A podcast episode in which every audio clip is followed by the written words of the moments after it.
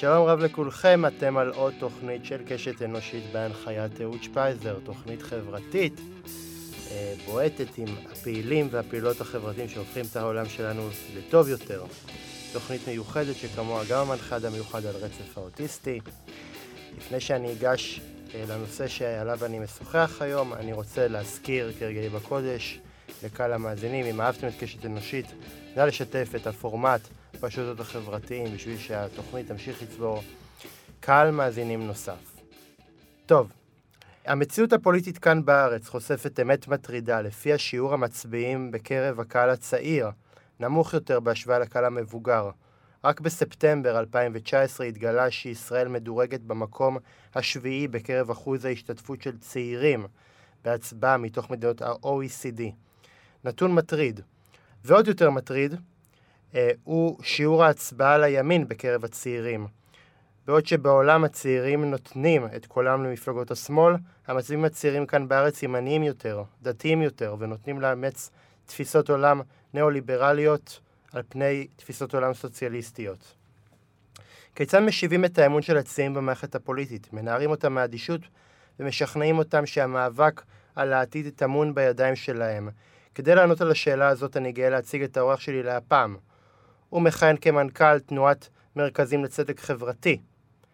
אה, תוכנית אה, השתלמות אה, שקוראת לאזרחים תושבי העיר להשתתף בתוכנית הכשרה לשינוי חברתי, בהן מציידים אותם בכלים, יוצרים חיבורים עם שותפים ושותפות ובונים יחד חזון משותף.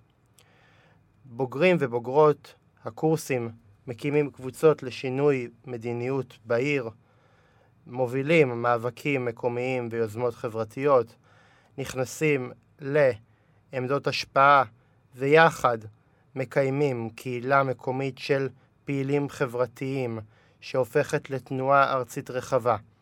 התנועה מקיימת באופן תדיר הרצאות פתוחות וימי עיון, ובקמפיין שלהם אה, מתקיים מימד משמעותי של למידה וחקר. יש את הכבוד לארח את האיש מאחורי המיזם הזה, יזהר איזי כרמון. שלום יזהר. אהלן, אהלן, בוקר טוב. מה שלומך? מעולה, כיף להיות פה. תודה רבה, איזי. אה, איזי, יש לך משימה אה, לא קלה בתוכנית הזאת. אני אה, קראתי את הנתון שאחוז הצעירים אה, שמשתתפים במערכת הפוליטית הוא לא גבוה. ואני אחד מהצעירים האלה, אני שוקל אה, הבחירות האלה לא להצביע, כי באמת אה, אני, אני די מיואש מהמציאות הפוליטית הדי עגומה, די סטטית שקיימת כאן בארץ. אם תצליח אה, לשכנע אותי, אתה תקבל את עיטור קשת אנושית, עיטור שהמצאתי עכשיו למרואיין המשכנע ביותר שהיה כאן בתוכנית, אז באמת המשימה היא לא, היא לא פשוטה, אנחנו אחרי ארבע מערכות בחירות וחמישית בדרך, בפרק זמן של אה, פחות משלוש שנים, אז אם תצליח לשכנע אותי, וואלה, אני אה, אסיר בפניך את הכובע. מעולה, אז uh, נתחיל. אני קודם כל אציג את עצמי. באמת uh, קוראים לי יזהר איזי כרמון. Uh, היום אני בן 37, אני גר בחריש, עם שאבא לשניים. ואני גדלתי וחבר בתנועת הבוגרים של השומר הצעיר. עד לפני שש וחצי שנים בעצם uh, עסקתי בחינוך. וב-2015, אתה מחזיר אותי לבחירות, 2015 הייתי פעיל מאוד וריכזתי בעצם uh, מטה מקומי ברחובות, שניהל את הפעילות באזור השפלה של uh, קמפיין שנקרא V15.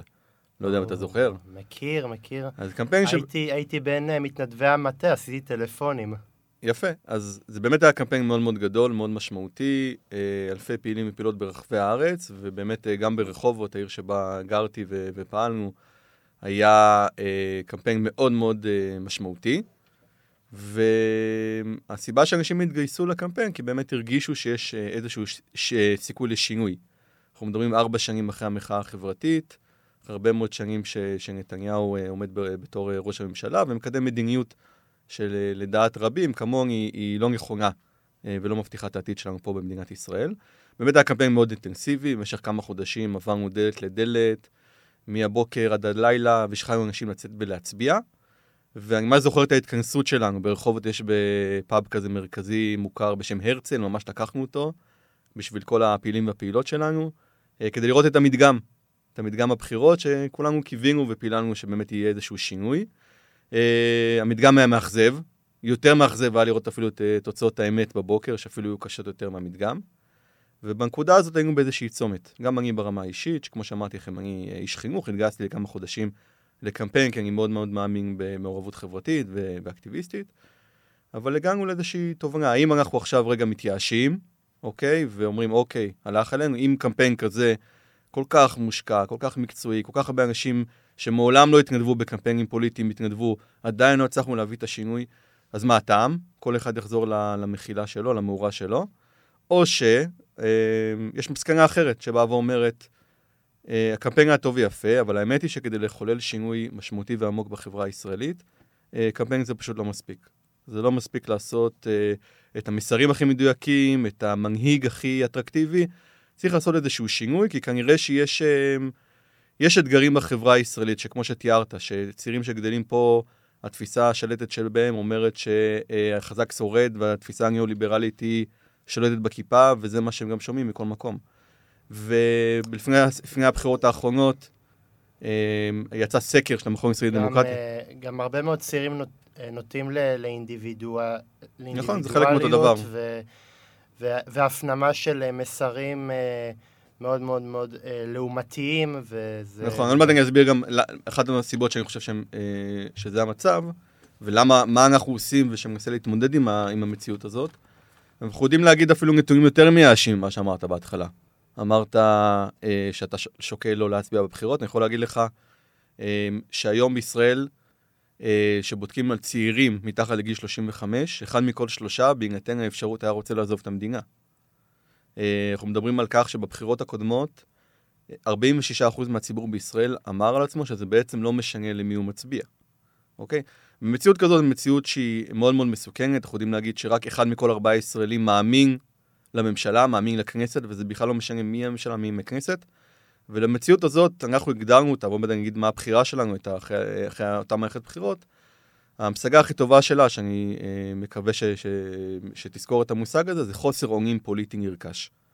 עכשיו, מה המשמעות של חוסר אונים פוליטי נרכש? המשמעות היא שהם אנשים שגדלים בארץ, לומדים קשה, עובדים קשה, חלק גדול מאוד מהציבור גם הולך לצבא, אה, משיג תואר ראשון, תואר שני, אבל אה, עדיין לא מאמין ולא מרגיש שהוא יכול להשפיע על המציאות שסביבו.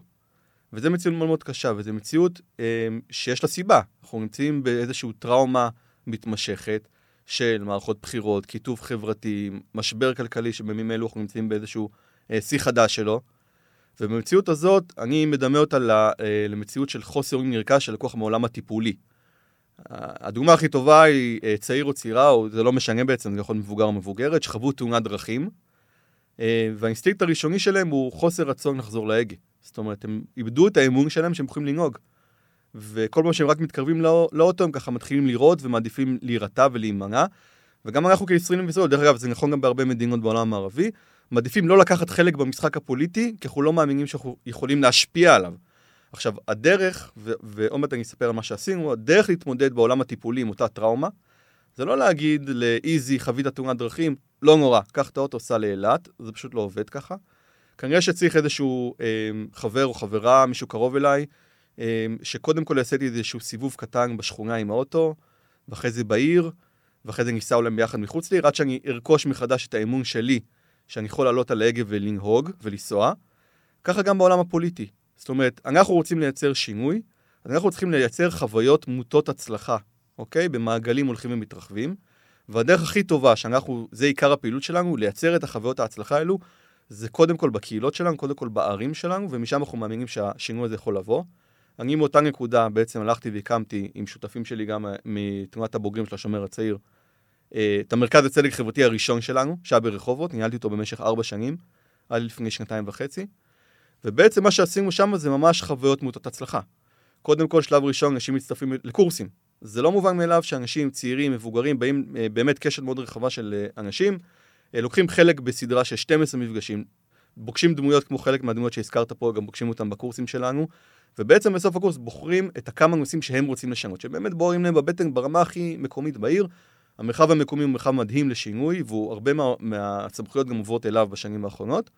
ובסופו של דבר, אחרי אה, שהקבוצות אה, בוחרות מה הן רוצות לעסוק בהן, אה, מקבלות הכשרה, מקבלות הליווי, נמצאות במרכז לצדק חברתי, שזה מקום פיזי, שנמצא בלב העיר, הם ביחד בעצם רוכשים את האמון שלהם מחדש, ושם השמיים הגבול לאנשים שהולכים לתפקידים כוועדי שכונות, ועדי הורים, חברי מועצה וחברי כנסת, ואני מניח שבהמשך יצא לנו לדבר על עוד תוכניות שעשינו מאז, אבל באמת זה, הגרעין של הרעיון מאחורי ההתמודדות עם חוסר האונים הפוליטי הנרכש. אז יזהר, באמת, אה, אתה פתחת במילות אה, הקדמה מאוד מאוד מאוד יפות. אני רוצה בבקשה לשאול אותך את השאלה הראשונה. אה, יזהר, האם לדעתך לא הגיע העת להפסיק להאשים את הצעירים האדישים ולהגיד בקול צלול וברור שהבעיה היא פשוט בשיטת הממשל שלנו שהרחיקה ממנה את הצעירים? אה, קודם כל, מי שאומר שהבעיה, אני לא מכיר את אמירה, או לא מזדהה עם אמירה שהבעיה בישראל היא הצעירים. צעירים, צעירים איכותיים, על פי כל מדדים היום שיש בעולם המערבי, אנחנו גם, אה, למרות הדימוי של הצעירים לא אכפת, עדיין אנחנו ראשונים באחוזי התנדבות. עדיין למעלה מ-50% מהצעירים בישראל אה, נוטים שלוש שנים והולכים לצבא. אה, זה דבר שהוא מאוד מאוד לא מובן מאליו. אני לא חושב שהבעיה בצעירים, אני חושב שהבעיה היא באמת אה, במנגנון שבעצם לא מייצר אופק לצעירים. הצעירים הם לא אלה שבסופו של דבר מייצרים, נמצאים בממשלה ומייצרים את הסדרי העדיפויות. ושאלת השאלה הנכונה, האם לא הגיע הזמן לשנות משהו באופן שבו... אני אפילו, אני אפילו אגיד יתרה מזאת, כן. צעירים... שהולכים למערכת הפוליטית, הרבה פעמים אה, גם מנופים אה, החוצה בשלב מסוים. אין ממש אה, יכולת ורצון לקלוט ובאמת להטמיע איזשהו דם חדש במערכת, וזה מה שלדעתי גורם לכך שהרבה מאוד צעירים מסתכלים על, ה... על המערכת הפוליטית במין איזשהו סוג של ניכור כזה, הם אומרים, הם לא באמת מייצגים אותי, דעתי לא באמת נחשבת בעיניהם, אז למה לי, למה לי לטרוח ו- ולהתאמץ? אה, אז, אז נכון, נגעת פה בנקודה נכונה. אה, תראה, יש אנשי מדע המדינה ויש אה, פעילים חברתיים שנותנים כל מיני הצעות לאיך לתקן את המערכת הפוליטית בישראל. אני לא חושב שזה רק עניין של שינוי מבני. אוקיי? אני חושב שבסופו של דבר יש פה עניין מאוד מאוד עמוק, ש... יש לנו תרבות מאוד מאוד דמוקרטית עמוקה בישראל. זה בעצם, אה, צריך לזכור, זו מדינה שבעצם קמה על ידי כוחות אה, וולונטריים, התנדבותיים, שבעצם אה, דחפו בכלל להקמה של המוסד הזה, דבר מאוד, מאוד ייחודי בעולם. אני חושב שזו מסורת שהיא קיימת. אני חושב שצריך למצוא את האיזונים. אחת הדוגמאות, אחת המחשבות שיש, זה באמת איך נותנים יותר מקום וכוח למרחב המוניציפלי. אני חושב שאחד האתגרים שגם מייצרים את החוסר אמון הוא העובדה שבמשך 40 שנה המדינה אה, מתנערת מהאחריות שיש לה כלפי האזרחים. זאת אומרת, לאט לאט מסירה את ידיה מהמון המון תחומים שהמדינה בעבר הייתה אחראית עליהם. אה, ולתוך המרחב הזה, לתוך הוואקום הזה נכנסים או עמותות מגזר שלישי, או מגזר עסקי, אה, או שאף אחד לא נכנס, ובמקומות האלו החזק שורד, או שהשלטון המקומי נכנס. אבל המדינה גם לא מאצילה סמכויות. אני חושב שהתפקיד של המדינה גם... תראה, אני לא מצפה ממדינה שבאמת אה, יש לה מוסדות... אה, ממשלתיות אה, למכביר, שתהיה אחראית על, על הכל, אבל, אבל מדינה שיודעת שהיא לא יכולה לטפל בהכל, גם יכולה להציל סמכויות, המדינה מרכזת לידיים של הרבה מאוד סמכויות, ולא, ולא משחררת סמכויות, ומצד שני היא גם מתנערת. נכון. אז, אז אה, תפקיד שאני, שהשכל לא מסוגל לתפוס אותו, זה לעשות דבר והיפוכו, זה מצד אחד... לא לרצות, אה, אה, מה שנקרא, אה, לקחת אחריות, אבל מצד שני גם לא לשחרר אחריות. אה, אני, אני מסכים איתך, וגם כשאתה משחרר אחריות, השאלה למי אתה משחרר את האחריות, אוקיי? וזה דבר מאוד, מאוד מרכזי. כי אני חושב שבבסיס, בצורה הכי פשוטה, אה, למדינה, לכל מדינה, בתפיסה שלי, אני מחזיק בתפיסה סוציאל-דמוקרטית, אני חושב שלמדינה יש... אה, אני חושב שלמדינה יש אחריות על תחומים מרכזיים של חינוך, רווחה, בריאות, קורת גג, ביטחון. עכשיו, ו, ולמדינה גם יש אחריות שהמשאבים שמתחוללים בתוכה הם מחולקים בצורה הוגנת. זאת אומרת, לא יכול להיות מצב אה, שהעשירים בישראל הולכים ומתעשרים גם בתקופות הכי קשות שיש לנו, אנחנו עוברים ש, שנתיים וחצי כבר של קורונה, ומצד שני המעמד הביניים נשחק, והמעמד, והמעמדות הנמוכים בישראל אה, הולכים ומאבדים תקווה, הולכים ומאבדים אופק לעתיד, וזה דבר ש... זאת האחריות של המדינה. למי מאצילים את הסמכות? אז אני חושב שהטריק של המדינה בכל השנים האחרונות, טריק שפשוט לא מוכיח את עצמו, הוא אה, אה, להפריט את עצמה לדעת. במקום בסופו של דבר, כן, להגיד, להקים חברות ממשלתיות, או להקים, לצורך העניין, הדוגמה שנתתי שלום מקומי, זו דוגמה מצוינת. מצד אחד, גוף קרוב לשטח שיכול לבצע גם, צריך כמובן לתת לו סמכויות, צריך לתת לו כלים, צריך גם לראות איך לא רק הרשויות החזקות, אנחנו יושבים עכשיו בתל אביב, רשות הכי חזקה היום בישראל. אמ, לא צריך לדאוג לתל אביב, אבל מה יהיה עם הרשויות היותר חלשות בישראל? אתה יודע שהיום בישראל, אמ, מדינת ישראל, אה, על כל ילד שנולד, מקצה לו סכום מסוים של כסף עבור מסגרת החינוך שלו. היא לא מפלה, אוקיי? על פניו. אבל ילד שנולד לצורך העניין ברעננה, העיר רעננה, שיש לה אה, הכנסות עצמיות מאוד מאוד גבוהות, בעיקר מארנונה של עסקים, אוקיי? מאזורי הייטק ותעשייה, יכולה להוסיף על כל ילד כזה 11,000 שקל בשנה. אתה, אתה יכול אה, לנחש כמה ברהט יכולים להוסיף אה, על כל ילד בשנה? 100 שקלים.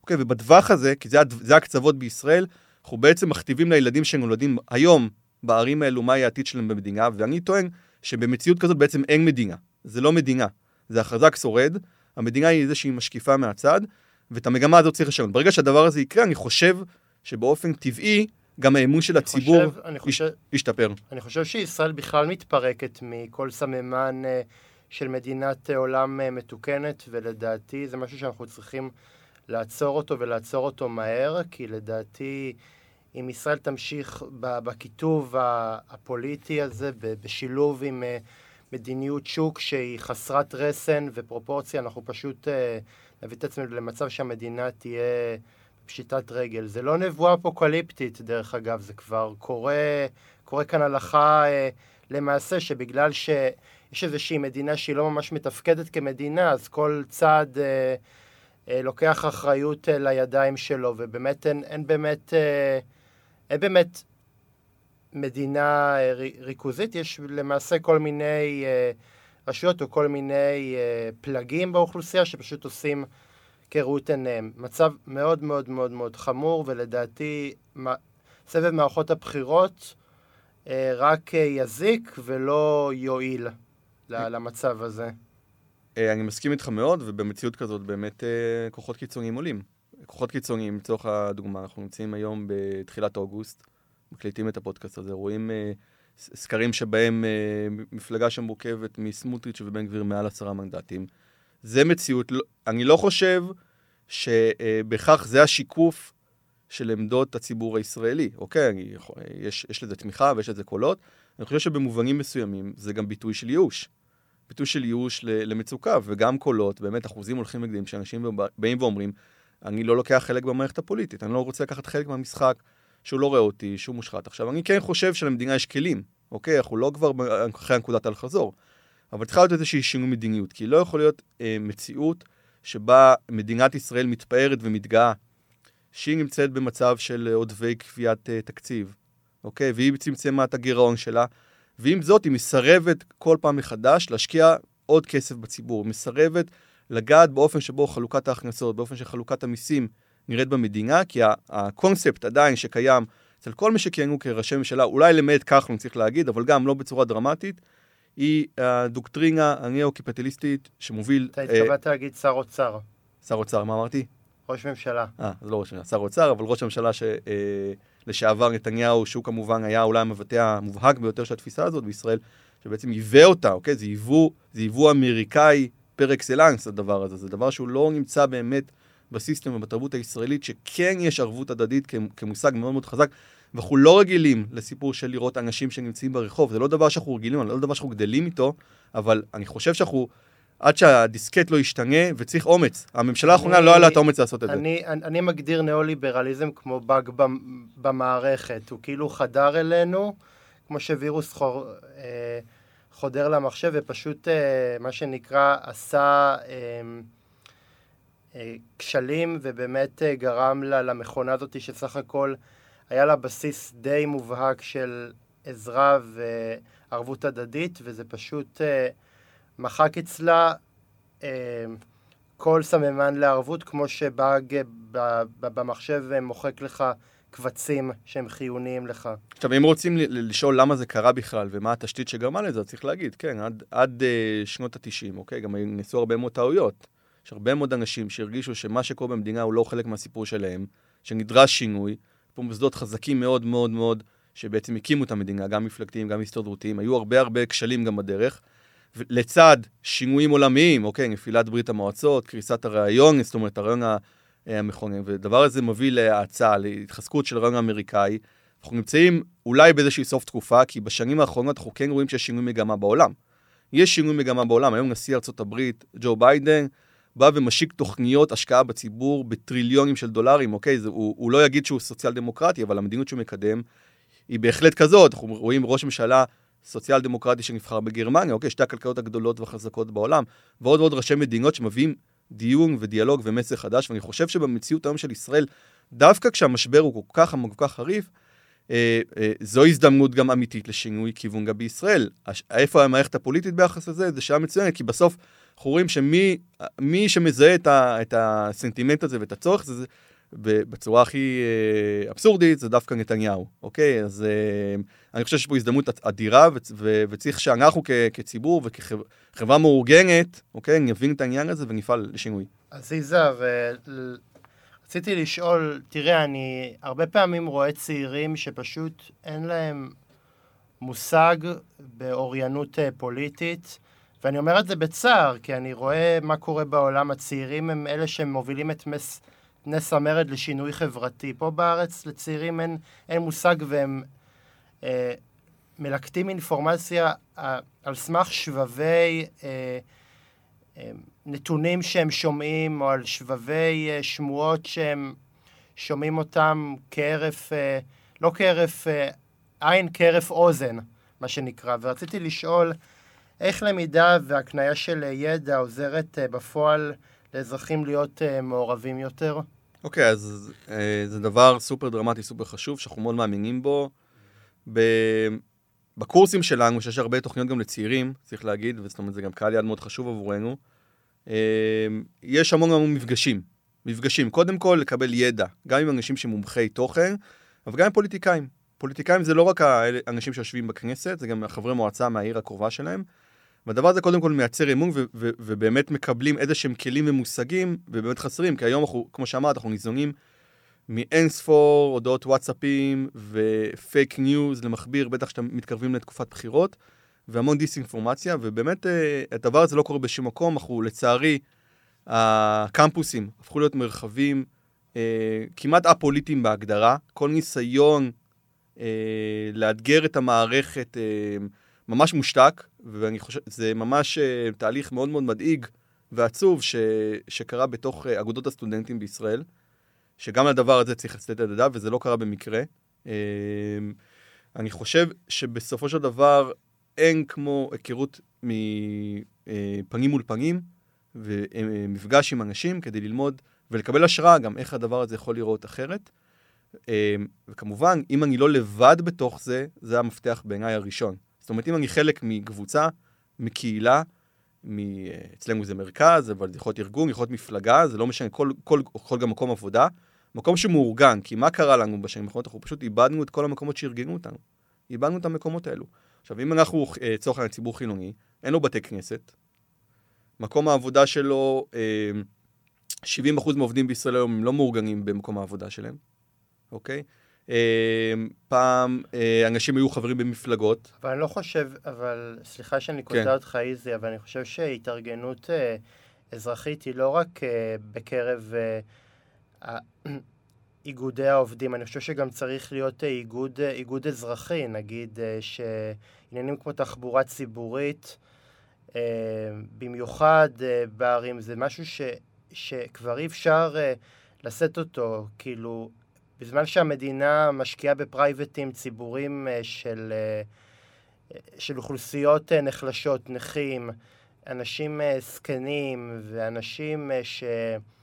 שאין להם באמת יכולת להוציא רישיון, פשוט נשארים מאחור, אין להם לובי חזק, הם, הם, הם שקופים לחלוטין. מי, מי דואג להם? זאת אומרת, אנחנו גם פה אה, אה, רואים את המציאות לפי הגרוש של הלירה. ואני רוצה אה, באמת אה, להגיד שבלי לובי אזרחי, אי אפשר בסופו של דבר גם להניע שיתופי פעולה אה, אזרחיים, ואי אפשר לדבר רק, ב, רק בשפה מעמדית, אה, מעמד עובדים, מעמד, אה, מעמד ביניים. יש כאן אנשים ש, שגם, לא, שגם לא עובדים, שהם נשארים מחוץ למעגל העבודה בגלל כל מיני קשיים. צריך לדבר גם, גם אליהם. אז, אז uh, אני מאוד מסכים איתך, הרמת לי להנחתה אפילו. אני, uh, הנקודה שנגעתי בה, היא באה והתייחסה לזה שאפילו המסגרות בעבר שבכלל ארגנו בודדים לאיזושהי קבוצה, מאוד מאוד נחלשו. ומה שאתה תיארת, את הצורך הזה, זה בדיוק מבחינתנו החזון של המרכזים לצדק חברתי. זאת אומרת, להיות פלטפורמה מקומית, עירונית, לא רחוקה, לא מקום שאני צריך לנסוע אליו עכשיו שעה באוטובוס כדי להיפגש וכדי לדבר. מקום בתוך העיר שלי שמתעסק בסוגיות הרלוונטיות אליי, מקום שגם אני יכול, אם מציק לי לצורך העניין, אה, נושא התחבורה הציבורית בעיר שלי, אני יכול לאסוף סביבי עוד חבורה של אנשים, כמובן בליווי, בכל מרכז יש לנו רכז או רכזת או רכזים שמתמחים בנושא הזה, אוקיי? שהיא התארגנות קהילתית פוליטית, ודבר הזה מריצים קבוצות פעולה. היום יש לנו למעלה מ-60 קבוצות פעולה, במגוון מאוד רחב של נושאים, שמקדמים בדיוק את הנושאים האלה עם אנשים שזה לא העבודה שלהם. בדיוק כמו שאמרת, לובי אזרחי פוליטי, קודם כל ברמה המקומית, אוקיי? יכול לתת לך סיפור. לפני אה, אה, חמש שנים, קצת אחרי שהקמנו את המרכז הראשון ברחובות, אה, ניגש אליי אחד הפעילים, שבאמת היה מאוד מאוד מתוסכל מהדרך שהוא נדרש לעשות, כל יום למקום העבודה שלו, הוא גר ברחובות, היה צריך לנסוע לחולון. אה, מי שמכיר את האזור של השפלה, בין צומת בילו לצומת בית דגן, יש ציר אחד, רחוב הרצל, 412, שם הרשמי, שהוא כל בוקר מאוד מאוד עמוס, מאוד מאוד פקוק. אה, אין שום אה, הפרדה בין אוטובוס עם 50 נוסעים לבין רכב פרטי עם נוסע אחד. הדבר הזה מאוד מאוד תסכל אותו. ומהנקודה הזאת בעצם רצינו לייצר מצב שלאורך כל הציר הזה יקום אה, נתיב תחבורה ציבורי, זה נקרא BRT, זאת אומרת נותן לאוטובוס, לאוטובוסים העדפה ובמהירות גבוהה. הדבר הזה היה נראה כמו חלום מאוד מאוד רחוק. חלום מאוד מאוד רחוק. חלום רחוק כי אה, בדרך לתל אביב צריך לעבור בראשון לציון, ששם ראש העיר הקודם לא היה בעניין, ובנס ציונה, שככה לא היה לו דעה, וברחובות, שהייתה מוכנה בתנאים כאלה ואחרים. והקבוצה הזאת התחילה להתארגן, התחילה לעשות מפגשים, התחילה לחשוף את הציבור, התחילה להפגיש ידע, התחילה לייצר תוכניות, התחילה לפגוש פוליטיקאים. לקראת מערכת הבחירות הקודמת ברמה המוניציפלית ב-2018, עשתה פאנלים עם מועמדים, לקחה מועמדים לנסוע באוטובוסים, להרגיש בעצם את החוויה, כי אחת מהבעיות שלנו שהפוליטיקאים לא מכירים את הבעיות כי הם לא חיים אותם, הם לא מבינים אותם לעומק. והדבר הזה בעצם יחולל איזשהו שינוי, יחולל איזושהי שפה, ואני שמח להגיד שספציפית זו דוגמה לקבוצה שלפני ארבעה חודשים משרד התחבורה השיק את התוכנית הזאת, הזאת של BRT בדיוק בציר הזה, שהוא שווה מאות מיליונים, מיליונים של שקלים, ויכול להגיד לך שבלי אותו פעיל, אוקיי, אני יכול להגיד את השם שלו, אילן, אוקיי, אילן שמש, הדבר הזה לא היה קורה. הוא לא היה קורה, ויש לזה היום הרבה, הרבה אנשים שיכולים להגיד שזה גם בזכותם ובזכותם. יכול להגיד לך שזה היה מאוד מאוד רחוק מלהתקיים, וזה מאזרח בודד שהיה צריך את הפלטפורמה, הקים סביבו עוד קבוצות, אה, וזה לקח זמן, ארבע שנים, ובלי פלטפורמה, בלי קבוצה חזקה, הדבר הזה כנראה היה מתמוסס בדרך, וזה הבעיה. היום, לצורך העניין, היה רוצה להגיע לאחת המפלגות, שנגיד מאמינות ב... לא משנה באיזה נושא, לא על איפה לפגוש אותם, כי הסניפים המקומיים כבר לא קיימים, אפילו של מפלגות. תנועות נוער קיימות עדיין, הן גם חזקות, אבל הן פועלות בעיקר בנוער. כשאנחנו בוגרים, מסיימים צבא, אין לנו את המרחב הזה, אין לנו את המקום הזה, יש לנו את הקבוצות פייסבוק, קבוצות וואטסאפ, אבל זה פשוט לא מספיק. זה לא מספיק אמיתי, זה לא מספיק חזק, זה לא מספיק עקבי. אנחנו מאמינים לבנות את זה ממש מודל, שדרך אגב לומדים אותו היום בכל העולם, ואנחנו גם מקווים בשנה הקרובה גם להתחיל לפתח אותו בעוד ערים בעולם. אנחנו עובדים על זה. ממש מודל אה, של מקום פיזי עם רכזים שמתמחים בעניין הזה, שיכול להכיל סביבו הרבה מאוד אנשים. וגם לעשות קמפיינים רחבים כשצריך, לא רק לפעול בנקודות קטנות. כן. יזהר, אה, זה דווקא מוביל אותי לשאלה הבאה שלי. כיצד מפלגות השמאל שלכאורה היו אמורות לקרוץ לצעירים שכל מיני נאלצים לשאת על גבם את עול יוקר המחיה פספסו אותם וגרמו להם לנדוד הלאה לקהלים, אה, סליחה, לא לקהלים, לגופים פוליטיים שמזוהים עם השקפת עולם ניאו-ליברלית אה, דורסנית? קודם כל אני חייב להגיד שיש פער היום בישראל, אפילו היום, בין העמדות של הציבור, אוקיי? מה העמדות שלו לצורך העניין לגבי האחריות של המדינה לאזרחים ולגבי השירותים החברתיים, אה, לבין השיקוף של זה בפוליטיקה. אני חושב שהשמאל וזה צריך להגיד את זה, זה נמצא במשבר מאוד מאוד עמוק, למעשה, מאז רצח רבין. למעשה, מאז הנקודה שבה הרעיון המארגן שלו, שבאותם שנים היה השלום, קיבל מכה מאוד מאוד מאוד חזקה. והוא עדיין מחפש איזשהו סיפור מארגן. אני חושב שהבעיה היותר גדולה שלו היא שבעבר השמאל היה מורכב מתשת... הוא לא רק היה ייצוג פוליטי, זאת אומרת, הוא היה עולם שלם של הוצאות ספרים, של התארגנויות, של תנועות, של מוסדות, אה, של עיתונים. הדבר הזה גם מאוד מאוד נשחק. אני חושב שהדבר הזה אה, צריך להיבנות, והוא לא יכול להיבנות ממערכת בחירות אחת לשנייה, שדרך אגב, לדעתי הייצוג הפוליטי היום של מפלגות השמאל הוא, הוא ייצוג פוליטי ראוי. אני לא חושב שבו נמצאת הבעיה. אני חושב שהבעיה היא אה, אה, לפעמים החוסר יכולת וחזון לראות עשר שנים קדימה, עשרים שני, שנים קדימה, ולראות איך באמת הפער הזה מצטמצם בין מה שהציבור מאמין שיכול להיות פה, לבין בסופו של דבר הבחירה שלו בקלפי. אוקיי? בהרבה דברים גם השמאל ניצח, אוקיי? הרבה דברים שקשורים לצורך העניין לזכויות פרט, זכויות ליברליות, הוא אוכל הצלחות, אוקיי? הוא גם אוכל הצלחות בשנים האחרונות, למרות שגם היו ממשלות ימין. אני חושב אבל שכדי בסופו של דבר להגיע לקהל צעיר, אז נגעת בכמה נקודות. קודם כל להיות רלוונטי, נדבר במה שמעסיק את הצעיר. שלא תהיה ייצוג, ייצוג של צעירים בתוך המוסדות המפלגתיים. אבל בסופו של דבר זה לא עניין של טריק, זה לא עניין של רק להגיד את המילים הנכונות. אבל אני חושב שגם הרבה מאוד נציגים אה, במפלגות השמאל, אה, באיזשהו מקום איבדו את הסבלנות ואיבדו את הקשב. זאת אומרת, הם הרבה פעמים מצפים מאנשים אה, צעירים ש... שידברו uh, בשפה שלהם, והם לא מבינים שאת השינוי הם צריכים לעשות. הם צריכים לדבר uh, אל, אליי, בשפה שאני מבין, ולא שאני אתאים את עצמי אליהם. ויש באיזשהו מקום איזשהו uh, חוסר, חוסר סבלנות. זאת אומרת, אם אתה, אפילו ברמת. השיח, ברמת התקשורת, כאילו אתה, אתה מציף את הבעיות והם כאילו ישר נכנסים לעמדת... אה, מתגוננת. כן, מ, לעמדה מתגוננת. עכשיו, לך תיצור שיח עם, עם אנשים כאלה. אני לא, אני, אני סך הכל בא מהמחנה, אני סך הכל אה, הייתי פעיל פוליטי, אבל אני הצפתי איזשהו בעיות... אה, שקשורות uh, בי, וזה ישר כאילו אמרו, לא, אנחנו לא מתעסקים בזה, אנחנו מתעסקים ב... ב אני יודע מה, בסוגיית השלום. אנחנו מתעסקים בנושא הזה, אנחנו מתעסקים בסוגיית הקנאביס והכפייה הדתית. Mm-hmm. ו... ובאיזשהו מקום כבר איבדתי, כבר איבדתי אה, רצון אה, לתקשר, כי כל הזמן אומרים שהנושא הזה לא, לא, לא מעסיק אותם. אז, אז אם... אה, אז אם הנושאים שרלוונטיים לי לא, לא רלוונטיים להם, אז פה, אה, אז פה אני חותך, אין, אין מה לעשות. אז אה, אוקיי, אז ניגע בכמה נקודות. דבר ראשון, אה, אה, לא יודע בדיוק מה הייתה הסיטואציה ומה זה, ובטח שאני לא אה, מיניתי את עצמי, אין לי שום רצון למנות את עצמי כסניגור של אה, פוליטיקאים כאלה ואחרים, רחוק מכך. אבל כן צריך להבין שבסופו של דבר הם, אה, הפוליטיקאים הם, אה, הם שיקוף של מציאות, אוקיי? הם לא, הם לא יהיו הפתרון שלה. אני גם לא חושב שהם הבעיה. פוליטיקאים זה מקצוע, הם במציאות של הישרדות פוליטית, יש להם uh, משאבים כאלה, משאבים אחרים, והם uh, גם עושים הרבה טעויות בדרך, זה, זה תמיד, תמיד נכון. אני חושב, וזה רגע לשאלה הראשונה, שאתה אמרת, אני בעצמי שוקל האם להצביע או לא להצביע, אני חושב שהפוליטיקה זה דבר הרבה הרבה יותר רחב מרק מי הנציגים שלנו uh, בכנסת. הרבה יותר רחב מזה.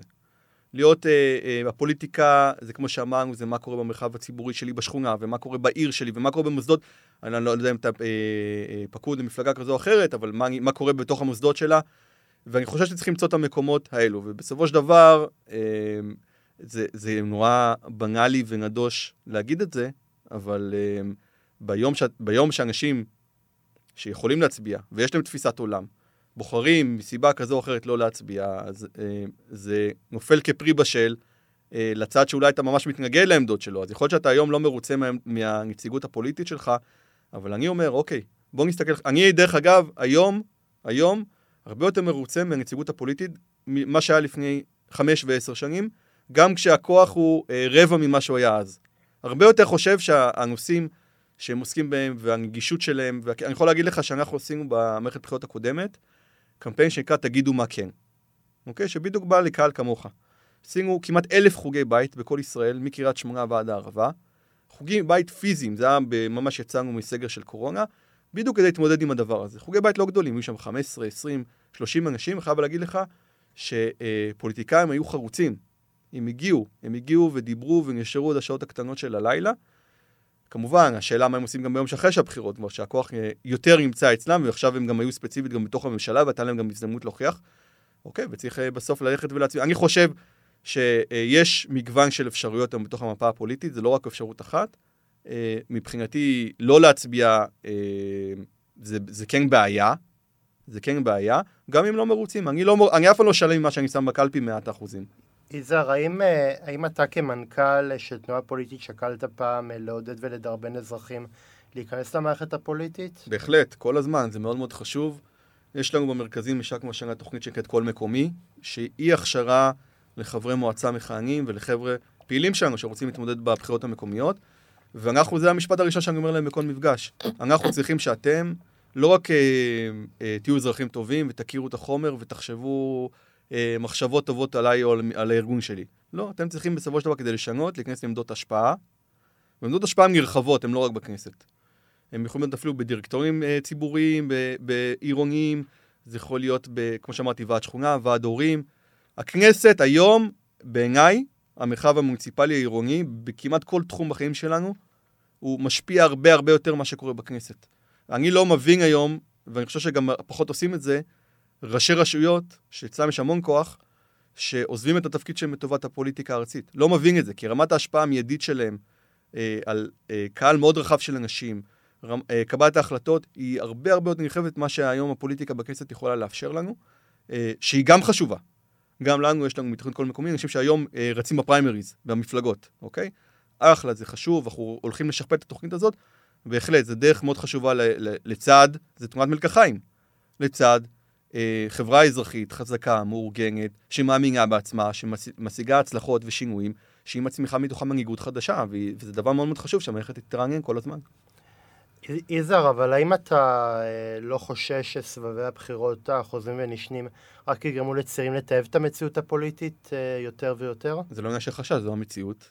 זה פשוט המציאות, וזה אחד האתגרים הכי גדולים שאנחנו נמצאים בתוכו. לגייס אנשים, לבוא ולהגיד להם, אה, בסדר, מערכת בחירות חמישית, עדיין זה חשוב, עדיין חשוב לפעול, עדיין חשוב זה, זה באמת מאוד מאוד קשה. אבל רגע, מה האלטרנטיבה? לי מבחינתי, אין אלטרנטיבה. יש לי מדינה אחת, אני גדלתי פה, פה אני רואה את העתיד של הילדים שלי, אין לי, אין לי אלטרנטיבה. זה לא שאומר, לא טוב לי פה, אני אעשה את זה במקום אחר. ואני חושב שמי אה, אה, שרוצה אה, לחיות פה, הזהות שלו היא פה, אה, ואני חושב את זה על כל הקבוצות בחברה הישראלית, אני אומר את זה גם לציבור הערבי, אנחנו הקמנו בשנה האחרונה מרכזים בערים מעורבות בישראל. והחוסר אמון והניכור הוא אפילו פי כמה יותר עמוק ממה שאנחנו מכירים בקרב הציבור היהודי, אוקיי? עם זאת, המדינה היא שלנו, היום זה כבר מדינה, עוד מעט אנחנו עשרה מיליון תושבים, אה, העתיד הוא לא, אף אחד לא כתב לנו את העתיד שלנו, אוקיי? העתיד הוא נכתב על ידי הפעולות שלנו היום, על ידי המעשים ולגבי תוכניות גם החברתיות והפוליטיות שאנחנו כותבים עכשיו. כן, זה קשה, אז בסדר, היו גם רגעים יותר קשים בהיסטוריה שלנו כמדינה, הרבה הרבה יותר קשים. צריך להתמודד. כן. אני חושב אה, שאנחנו ברגעים קשים, אה, לא מבחינה ביטחונית, אלא פשוט רמת הקיטוב היא נורא נורא נורא גדולה. נכון, זה אחד. מסתכל, אני מסתכל על מערכות בחירות ואני אומר, כל כך הרבה מערכות בחירות לא הצליחו לשבור את, ה, את התיקו הפוליטי בין ימין לשמאל. יש הרבה מאוד, יש הרבה מאוד מפלגות שרצות אה, לכנסת, ובאיזשהו מקום הנחיצות שלהם במרחב הפוליטי היא שואבת לאפס. אתה תשאל אותי מה ההבדל בין, אה, בין יועז הנדל ליאיר לפיד, אני, אני לדעתי אין הרבה, אין הרבה הבדל. אה, ואתה תשאל אותי מה ההבדל בין אה, יש עתיד לכחול לבן, אני אחשוב שאין הבדל. יש הרבה מאוד מפלגות שבאיזשהו מקום הם לדעתי נטל על המערכת והם לא נכס. אבל אני חושב שבאיזשהו מקום אה, גם, גם צעיר אומר לעצמו, אני מנסה להיכנס לנעליים שלו, הצבעתי כל כך הרבה מערכות בחירות, והלכתי להצביע, ובאמת, והתנדבתי ונרתמתי, ובסופו של דבר, המציאות הפוליטית לא השתנתה כתוצאה מזה. השיתוק הפוליטי נותר על כנו, והייאוש הוא הרבה יותר גדול ונעשה הרבה יותר כבד, וזה לדעתי יגרום לצעירים להתייאש, כי עוד כשיש להם איזשהו צוהר שדרכו הם יכולים להשפיע ו- ולהצביע, אז, אה, אז הצוהר הזה גם כן מוכיח שהוא לא ממש יעיל. אז אני אגיד שני דברים. דבר ראשון, אה, שוב, אתה משקף מציאות אמיתית, כואבת. אני אחזור למה שאמרתי קודם, ייאוש זה לא תוכנית עבודה. זה בסדר של להיות מיואשים, אבל זה לא תוכנית עבודה. ודבר שני, אני חושב שכן פה יש תפקיד אה, אה, ייחודי בעיניי לשמאל הפוליטי בארץ ובעולם. אני חושב שהפוליטיקה של השמאל היא חייבת להיות פוליטיקה שתקווה, שמציעה אה, פתרונות ורלוונטיים וחדשניים ומחוץ לקופסה. אה, צריך לשאול שאלות, האם השמאל הפוליטי בישראל היום מציע פוליטיקה? אה, ו... וזה, אני חושב, תפקיד שלו. תפקיד שלו, מה שלצערי אני אומר, היום, היום הטקטיקה הפוליטית של ה... הימין הפוליטי בישראל, והיא אה, פוליטיקה מאוד מאוד אפקטיבית, וקמפיינים מאוד אפקטיביים, הם קמפיינים נגטיביים, קמפיינים של ייאוש. הקמפיין, ההצלחה של קמפיין של הימין במערכת בחירות, היא להשאיר אותך בבית. זו ההצלחה של הקמפיין. וזה לא סתם, דרך אגב, דרך אגב, אני, אנחנו מדברים פה על הרבה מפלגות שמאל, אני חושב שיש אנשים מצוינים בכל המערכת הפוליטית, אני באמת חושב ככה, גם ספציפית במה שנקרא ממשלת השינוי, אני חושב שהיה לה תפקיד מאוד מאוד חשוב. אני מאוד מאוד התאכזבתי מזה שאנחנו הולכים עכשיו למערכת בחירות, אני חושב שהיא יכלה לעשות עוד דברים משמעותיים, לא מספיק, אבל יכלה לעשות דברים משמעותיים. אני חושב שלא במקרה, אה, אם נגיד באתר הבית של השמאל, שגם עליו אני יכול לתת הרבה ביקורת, אה, שנקרא הארץ, אתה תראה פתאום באנרים של קמפיין ליכוד, למה אתה תראה את זה שם? אתה, יכול להניח? אה, אני יכול לנחש. אה, ש, שזה פשוט הם רוצים כסף, והקמפיינים האלה מכניסים להם לא, כסף. לא מהארץ. למה דווקא הליכוד דווקא בוחר לשים פרסומות במקום שברור שאף אחד לא יצביע עבורו? שיהיה מאוזן, אה, יחי האיזון והפלורליזם, אני לא יודע. לא, כל הטקטיקה היא ייאוש. אנחנו בני אדם, אנחנו מאוד מאוד קיצוניים במחשבות שלנו, אנחנו באמת גם לא מקצוענים בתחומים האלו, וברגע שאני מרגיש שלצורך העניין כאיש שמאל, נגיד, מייצר מציאות של, אוקיי, נתניהו הולך לחזור להיות ראש ממשלה, ואני רואה את זה בטלוויזיה, ואני רואה את זה בוואטסאפים, ואני רואה את זה בכל... ואני רואה את זה אפילו בבית שלי, כי במרכאות כפולות, שזה כאילו האתר שאני צורך ממנו תקשורת, אז אני אומר, אוקיי, אז כנראה שבאמת זה מה שקורה, ואולי באמת אין סיכוי. ואם אין סיכוי, אז אני גם מדבר באופן הזה בסביבה שלי. אני חושב שהצלחת ההצלחות הכי גדולה של מה שנקרא מחאת הדגלים השחורים, אוקיי, מחאת בלפור, שאפשר להגיד עליה דברים לכאן ולכאן, אבל ההצלחה הגדולה שלה, שהיא כן הפכה תקווה בעשרות אלפי אנשים בישראל שעשו מעשה אקטיבי, פוליטי, יצאו לכיכר מתחת לבית שלהם, לגשר בעיר, בעיר שלהם, ובסופו של דבר יצרו הרבה הרבה אדוות, בהתארגנויות מקומיות במאות נקודות ברחבי הארץ, שמדברות שיח של תקווה, של פעולה, של עשייה. הדבר הזה בסופו של דבר הצליח גם לייצר שינוי פוליטי. האם זה מספיק? מה יקרה בבחירות הקרובות? אני לא יודע, אבל שוב, ייאוש למי שרוצה, יש לו איזשהו חזון או מאמין איך שהמדינה הזאת צריכה להיות, זה לא תוכנית עבודה. יזהר, האם אתה חושב שלפוליטיקה כיום יש אינטרס לקרוץ לצעירים, או שדווקא להפך? אז אני חושב שתלוי למי. תלוי למי. אז אמרת קודם אה, נתונים דמוגרפיים שהצעירים יותר אה, ימנים. אני לא, אני לא יודע, אני לא בטוח בזה. כמובן יש את אה, ההצבעה בישראל היא מאוד זהותית, מאוד מאוד זהותית. אם אני נולדתי בבית מסוים, סיכוי, רוב הסיכוי שכנראה לא משנה מה יקרה בחיים שלי, אני אצביע כמו שההורים שלי הצביעו. אני חושב שדמוגרפית יש היום בישראל גדילה מאוד משמעותית, וזה הקהל של היום וזה הקהל של עתיד. אני חושב שבהחלט, זאת אומרת, מפלגה חכמה היא, היא קורצת לקהל, אה, לקהל הזה, מה שמדבר אליו, מה שמעניין אותו, זה גם משם מגיעות האנרגיות של כל, הפעילות הפוליטית. אה, אני חושב שמפלגה פוליטית, בטח מפלגות שבהישרדות לא יכולות לרשת לעצמם לוותר על אף קבוצת אוכלוסייה. אה, יזהר, מה היית רוצה שיהיה נושא הדגל שאיתו ראשי המפלגות ירוצו בבחירות הבאות ושלא מדובר עליהן מספיק?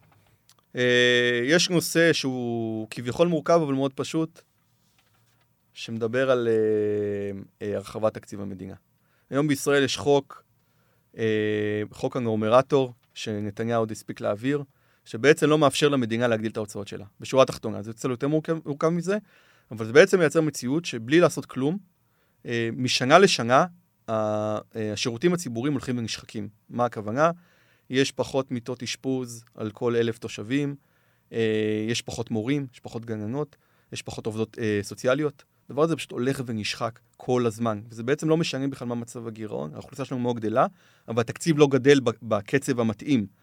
ואני חושב שהמפלגות, שגם שנמצאות בתוכם אנשים שמאמינים שזה הדבר שצריך לקרות, להרחיב את התקציב, הן לא חושבות שיש לדבר הזה היענות, לא חושבות שיש לדבר הזה בייס, מפחדות פוליטית, מפחדות אולי מהאוצר, שכמובן הוא מאוד מאוד, התפקיד שלו כביכול זה לשמור על המערכת הכלכלית, הציבורית, שבעיניי הוא, הוא, זה ממש אה, בגידה בציבור, ממש ככה, אה, האופן שבו הדברים האלה מתנהלים. אני חושב שזה נושא דגל, נושא של גודל התקציב, מה יהיה גודל התקציב הבא של ממשלת ישראל, והיום מדברים בכל מיני סיסמאות, אוקיי, נתמודד עם יוקר המחיה, נעשה דברים כאלה ואחרים, כשהתקציב יותר גדול, שיש יותר כלים, וזה מה שקורה בכל מדינות העולם, מגדילים את התקציב, מרחיבים את הגירעון, כי זה כלי, היום המצב החוב תוצר של ישראל, יחס חוב תוצר הוא מצוין, אבל הממשלה מפחדת להתעסק איתו, למרות שנגיד בנק ישראל כבר שני נגידים ברצף באים ואומרים, צריך להגדיל את יחס החוב תוצר, צריך להשקיע עוד כסף. חסרים היום בתקציב של ישראל במינימום 50 מיליארד שקלים.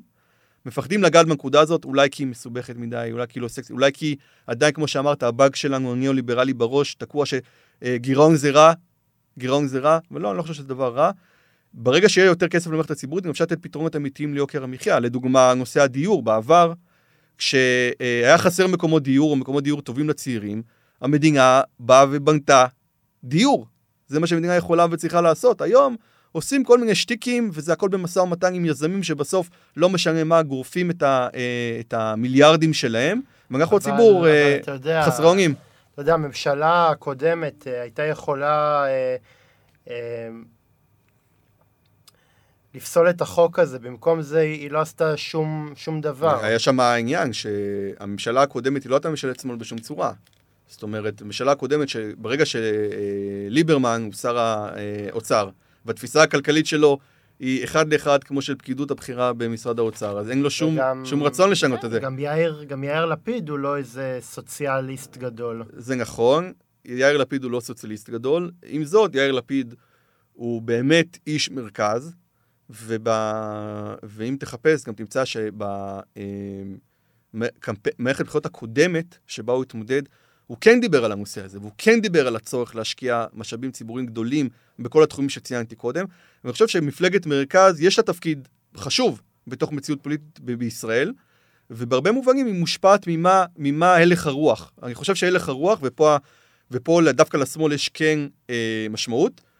אם השמאל בא ואומר, זה האני מאמין שלי, אני חלק גם מממשלה ואני דוחף לכיוונים האלו, ויש גם ציבור מאחוריו, גם הציבור צריך לתמוך ב- ב- בתפיסות האלה, הדבר הזה יכול לקרות בסופו של דבר. שינויים גדולים קורים ככה, וגם, וכן גם היו הישגים סוציאל דמוקרטיים, אני חושב משמעותיים בממשלה האחרונה, בשנה.